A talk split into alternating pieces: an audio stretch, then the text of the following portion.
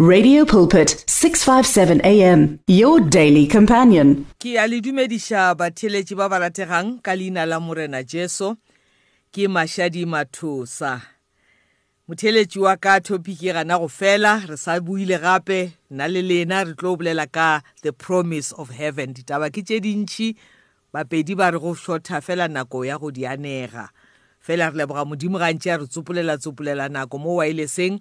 gore re kgone go fihlellana re bolele. So ke kgopela gore le mamotlha pele re thoma motheeletši wa ka nke re lebogeng sebaka se. Papa ka leina la Morena Jesu re re o ya halalela, re re o lokile, re re o phagame, Re re leina la gago le ka godimo ga maina ka moka. Re leboga phološo.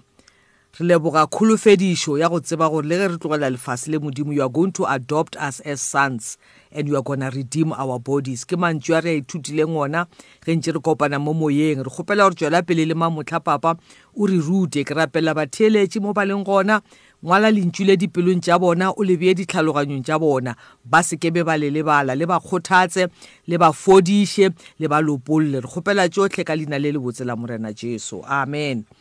Batheeletši ba ka, topic e e monate ka tsela e makatšang. Nna ya nkuka, ga ke tsebo rena lena le e hwetša e le bjang, mara e ya nkuka, e ya ntlhatswa, le matlho a ka ge ba ba felang ba mpona ba bona matlho a kane bjale a a taga a phadima ke sepela ke phaphame le mo sefatlhegong ka gore ke a tseba gore modimo o re lokišeditše legae le le botse and-e modimo verse e re e badileng last week e re he has, he has put a seal on us batho ba ba goletšeng magae mo go beng go na le dikgomo go na le dinku ba tseba gore lapa le lengwe le lengwe le nang le dikgomo ba ne ba ditempa re kgona go tseba kgomo ge e feta mo re o oh, yela ke ya ga ledwaba ye nngwe ge e feta re o oh, yela ke ya ga dladla ye nngwe ge e feta re a tseba gore yela ke ya ga sekhosana because mongwe ga yona wa e tempa gore e bolele mo e tsamayang gona gore nna ke nna kgomo ya ga sekhosana nna ke nna kgomo ya ga mmamabolo you know so le modimo o re beile stempe motheletši wa ka that is why bible e re we have the first fruit of the holy spirit you know ke yona ntho ele e diyang gore re phele re tsetla re bobola re bobola re tlhologela nako ela e botse you know mmina thoko o re motse o ke ola motse ola re o tlhologetseng o re re setse re o bona kua pijana you know these are the things that we are still going to talk about you know so moya o halalelang motheletši wa ka o a mo tlhoka bophelong ba gago if you introspect yourself mamotlha wa hwetša e le gore mane hai nna mo yo mokgethwa ke na yena you know ke gopola um mogwera ka o mongwe wa moruti a ne a ile o rera polekeng ye nngwe a re ga a boya nkenegela bopaki bo bongwe a re mme o mongwe e rile ge kereke e tšwa a ya go yena bjale ka dinkodimase ka mokgola nikodimase a ileng a sepela a ya go morena jesu mme o ba dutše ka mophuthegong a theeleditše ge mogwera o akantše a rera a theeleditše ge mogwera o akantše a bolela gore modimo o re bula pelo ya ka ke tla tsena you know a bolela dilo tše monate ka mokgwa o evangedi re e tsebang e bolela ka gona so mme ola e rile ge kereke e tšwa mogwera wa ka o ntlhalosetša gore mme o la tla go yena a le teas le le batho ba bangwe tadiswae ke moswantšha le nikodima se ka mokgwa a ileng a ya go morena jesu so mme o la ga a fitlha go mogwera wa ka a mmotsa gore moruti hei ke kwele ka mokgwa o bolelelang gore modimo o tsena ka dipelong tša batho a dula le bona mara wa tseba gore ke eng ke lemogile gore ka mo pelong yaka modimo ga a gona you know a person is able to introspect themselves Moruti does not have what it takes to tell you gore ka mo pelong ya gago ga gona modimo. The other person does not have what it takes go go botša gore mo pelong ya gago ga gona moyo o halalelang. Modimo has put a thermostat in each and every one of us gore re kgone go te introspecta wena mong o te cheke o kgona go kwa mane wa tekwa mo pitori ba re motho wa tekwa you know wa kgona go ikwa gore ke tletše ka moyo o halalelang you know that is why ba reng wa nang le morwa o na le bopaki re kwa ka molomo wa gago go o bolela o re jesu ke morena jesu o tsogile bahu re kwa se wena re tšea se wena o se bolelang so that is why i always say introspect yourself checka gore a moya o halalelang o gona ka mo pelong na and ntho e ke e tsebang you don't need anyone to tell you gore o na le moyo o halalelang ka mo go wena na you don't need anyone to tell you gore o na le morena jesu ka mo pelong ya gago na you don't need anyone to tell you gore o na le modimo ka mo pelong ya gago na mme o ke fetšang go le botša ka yena introspected herself ge a be a rerelwa evangedi A kgona go ya go moruti a re, Moruti, ke kwele o bolela gore Modimo o kgona go dula ka pelong ya motho. Mara nna ge ke checka pelo ya ka, mme ola ke mo ratela gore she introspected herself. You know? ge re gole be go na le taba ya gore batho bokry ba re ya bakreste ba re jaja why ba re jaja you don't have to wait for people to come and judge you god has put that thermostat in you he has put that ability in you to judge yourself to introspect yourself and to come to a conclusion o re no ke lemoga gore ga ke na moyo o halalelang ke lemoga gore ga ke na modimo ke lemoga gore morena jesu ka mogare ga pelo yaka ga a gona you are the only person who is able to tell gore batho bao or modimo o gona goba ga a gona ka pelong ya gago na that is why ge le ka ntlhokomela ge ntse ke ruta ge ntse ke bolela mo wileseng ke ke na le go fela ke re introspect yourself ke checke because ke a tseba gore modimo has put in each and every one of us the ability to judge themselves ke nnete modimo ga a dumele re a tlhola batho ba bangwe motho yena ka bo yena modimo o mo file right le bokgoni bja gore yena a teka tlhole amen so ke bolela taba ya gore rena ba re tshepišitšweng legodimo rena ba re tshepišitšweng motse ola o mobotse wa jerusalema o mmina thoko a reng re se re o bona pijana a re gona mola go ile o bang monate you know o re we grown rena re nang le yena o ka re o ke checka ka mo pelong ya gago wa hwetša moya o halalelang lentšu la modimo le re rena batho ba re nang le moya o halalelang mo go rena we've got this groaning in us yeah? we've got this go tsitsila go tsetla mo go rena we've got this groaning this longing ya go tlhologela gae le godimong ke ile ka ka tšea nako ke, ke, ke leka go le bontšha gore go tlhologela go tliša ke taba ya gore mo o dutšeng gona you cannot identify with that land you know ka fa example ya gore go o travela o le nageng e šele o le maeto you know le polelo e ba ya bolelang batho wa o ekwe mekgwa ya bona o e tlwaele dijo tša bona ntho e dira gore o tlhologele that familiar place you know that original country mo o tswang go yone e go fa that home sickness so ka mantswe a mangwe what romans chapter 8 verse 22 to 25 e le kang go e tlhalosa ko re bakreste mola ra phološang ke morena jesu mola mabitso a rena a ngwalwang ka bukeng ya bophelo modimo a ra rena a re your citizenship is in heaven re sepela re na le tlhologelo we are homesick because this earth is not our home ke gopola ntate o mongwe a neng a opela ba mmitša jimmy reeves a re this world is not my home i'm just passing by you know bakreste kao fela o ka ya australia o ka ya america o ka ya kae kae we share the same testimony ya gore this world is not our home we are strangers in this world we are passing by because there is a land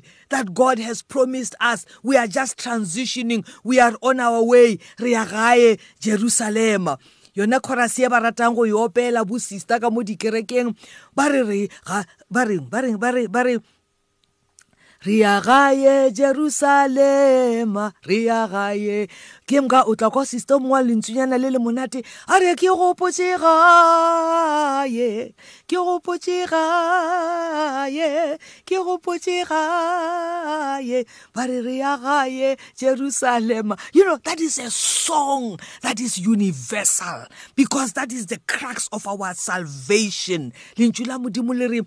evangedi ya rena is based on the fact that jesus christ entered the grave and came out alive ke bjona bophelo bjo a re fileng bjona ande lentšu la modimo le re tshepiše bekeng ye fetileng ge ntše re bala gore modimo has placed a seal on us ya gore ba ge lehu le itla ba tlo tsoga re e badile mo go second corinthians chapter 1 verse 21 and 22 e re now it is god who establishes both us and you in christ theeletše wa ka lentšu la modimo le re we have been established in christ wa tseba ge ba re nto is established gore a re ga re šikinyegi ga re shuthe kore ke rata di-artist because they pick up these truths they pick up these revelations and then they translate them into songs ge ntse ke ke bolela mantswe a le lena ke gopola this other song ba re ke dutse bo ga ke šišinyege ke nyaka jesu fela you know those are the artists they will always pick up stories they will always pick up vibes from the word of god and and and, and translate them into song and they are such a blessing to us if you are listening to me right now and you are a singer you are a person who's always behind the mic ka mo kerekeng i just want to tell you you are very special to god you are very special to the body of Christ because the message is still really diopela they stick to our minds you know a song is is not easy to forget nako nka no lebala gore verse o e kry-ile kae mara go na le this song playing in your mind is very difficult to, to forget so keep singing bana ba modimo and take your ministry very very serious so re dutše mo ga re šikinyege lentšu la modimo le re now it is god who establishes both us and you in christ re yeme ga re šišinyege god has established us go ka ya limphopho go na le metlhwaro yelo e megologologolo ba e bitša di-baobab tree you know those trees ba tla go botša gore ge o eme mola motlhare ola is already 600 years old sa le o eme pleke one ga o šikinyege ke ntho e lentšu la modimo le tlhalosa gore we have been established kore ga re felo mo moreneng re dutše ga re felo we have been established mo moreneng and bible e re modimo ebile o re tempile kore he went a mile further a re tempa a re ba you know i'm putting my seal on them lentšu la modimo le re he has put his seal on us ke bile ka fa example ya dikgomo ka re ge go na le dikgomo in the village di a tlhakatlhakana mara beng ba tsona ba di tseba because kgomo engwe le ngwe e na le stempe sa ka mo e tswang ka gona you know le rena modimo o re tempile so i want you to, to introspect yourself motheletši wa ka do you have this seal lentšu la modimo le re god places a seal on us do you have this seal and like i said to you you don't have to have somebody else tell you gore you've got a seal these are things of the spirit ke dilo tše e leng gore di tseba ko wena do you have a seal ya moya o galalelang mo go wenana lentšu la modimo le he placed his seal on us and put his spirit in our hearts so go into your hearts O tšheke, motheeletši wa ka. Is there a seal ka mo pelong ya gago ya moyo o halalelang na? O re, He has placed his seal on us and put his spirit in our hearts as a pledge of what is to come what is to come ke yona jerusalema e ntshwa ke yona bophelo bo bo sa feleng and ke ibadile gape le ka the other version e boletseng gore and he has identified us modimo di re kgetha kgetha kgetha kgetha a re kgetholla kgetholla a re o ke a topa ke a topa ke a topa ke a topa you know he has identified us as his own by placing the holy spirit in, in our hearts as the first installment that guarantees everything he has promised us so can you allow me today to just say, don't continue professing to be a Christian, don't continue confessing to be a Christian unless you have introspected yourself and found that you have this seal of the Holy Spirit in your heart. just pause o ipotsa gore ga ke nyake go ba moikaketše you know lentšu la modimo le bolela ka baikaketše le bolela ka batho ba e leng gore they are holding on to the form of this religion but they are denying its power ntho e ke go tlhalosetšang yona mamotla is the power of the gospel paulo o re evangedi e ga e nješe ditlhong gobane ke maatla a modimo a go phološa so if ke bolela le wena and ga ona wa, wa, wa, wa, ga o checka pelo ya gago you don't find this seal ga o a signiwa gore you belong to the lord ge o checka pelo ya gago you don't find the holy spirit o lentšu la modimo le reng is a guarantee just pause and don't continue to play the game of christianity don't continue to continue as calling yourself a christian insist on having the seal of the holy spirit insist on having this installment which gives you the guarantee that everything that God has promised you will have. Because lentšu la modimo le bolela gore metlheng ya bofelo go tlo tla batho bokreste ba e leng gore ga se bona a ke tsebe gore gore o thome go ipitša mokreste o, o, o, o filwe eng you know ke ile ka kopana le mme o mongwe a swere di-certificate di saenilwe a rawa ba re file tsona ba re ke tša go tsena legodimo i do not know I, i don't judge anyone and i hope you understand my heart i'm not judging anyone o seke wa tshwarišwa selo ka letsogo ba go botša gore go o se tshwere o ya legodimong o sekebe wa apešwa kobo ba re go o apere kobo ye o ya legodimo lentšu la modimo le re guarantee setempe saene ke ge pelo ya gago o re ge o e checka wa hwetša e na le moya o galalelang ke bolela ka tshepišo ya legodimo legodimo go ya ka ditemane tše ke di badileng batheeletše ba ka ke la batho ba e leng gore they have the first fruits of the spirit of god